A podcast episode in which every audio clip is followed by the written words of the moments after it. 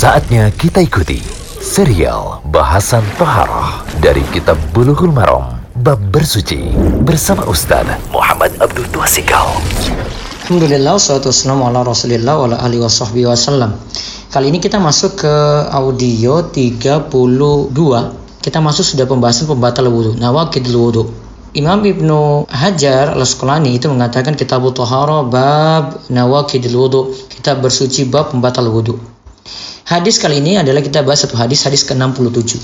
Kita lihat tentang masalah tidur. Apakah tidur itu membatalkan wudhu ataukah tidak? Dari Anas bin Malik radhiyallahu anhu, ia berkata, para sahabat Rasulullah Shallallahu Alaihi Wasallam pada zamannya menunggu waktu isya sampai kepala mereka terangguk-angguk karena ngantuk. Nah, tahu keadaan ngantuk gimana kan? Kemudian mereka sholat dan tidak berwudu lagi. Dikeluarkan oleh Abu Dawud, ada Rukutni mensahihkannya dan hadis ini berasal dari riwayat Muslim.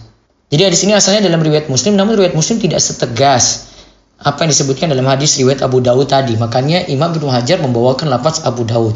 Nah hadis ini sahih, sebagaimana disahihkan pula oleh Syekh Al-Albani dan ini disetujui oleh Syekh Abdul Al Fauzan tanpa kritikan dari beliau. Nah sekarang lihat faedah hadis. Ingat, tidur yaitu tidur ringan tidaklah membatalkan wudhu.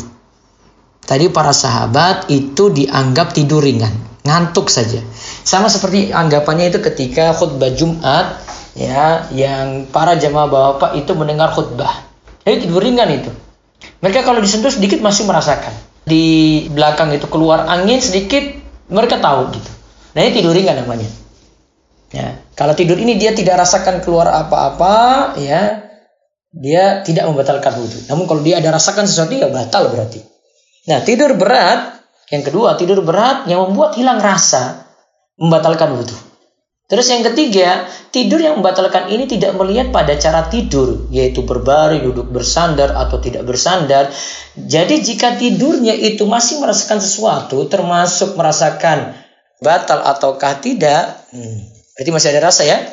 Tidur semacam ini tidak membatalkan wudhu. Jadi kalau dia tidak ada rasa apa-apa keluar, kentut, gitu tidak membatalkan wudhu kalau cuma sekadar ngantuk saja.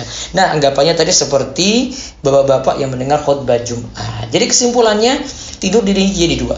Tidur ringan tidak membatalkan wudhu, tidur berat yang membatalkan wudhu. Wallahu. Demikian serial bahasan Toharoh dari Kitab Bulughul Maram Bab Bersuci bersama Ustaz Muhammad Abdul Tuasikal.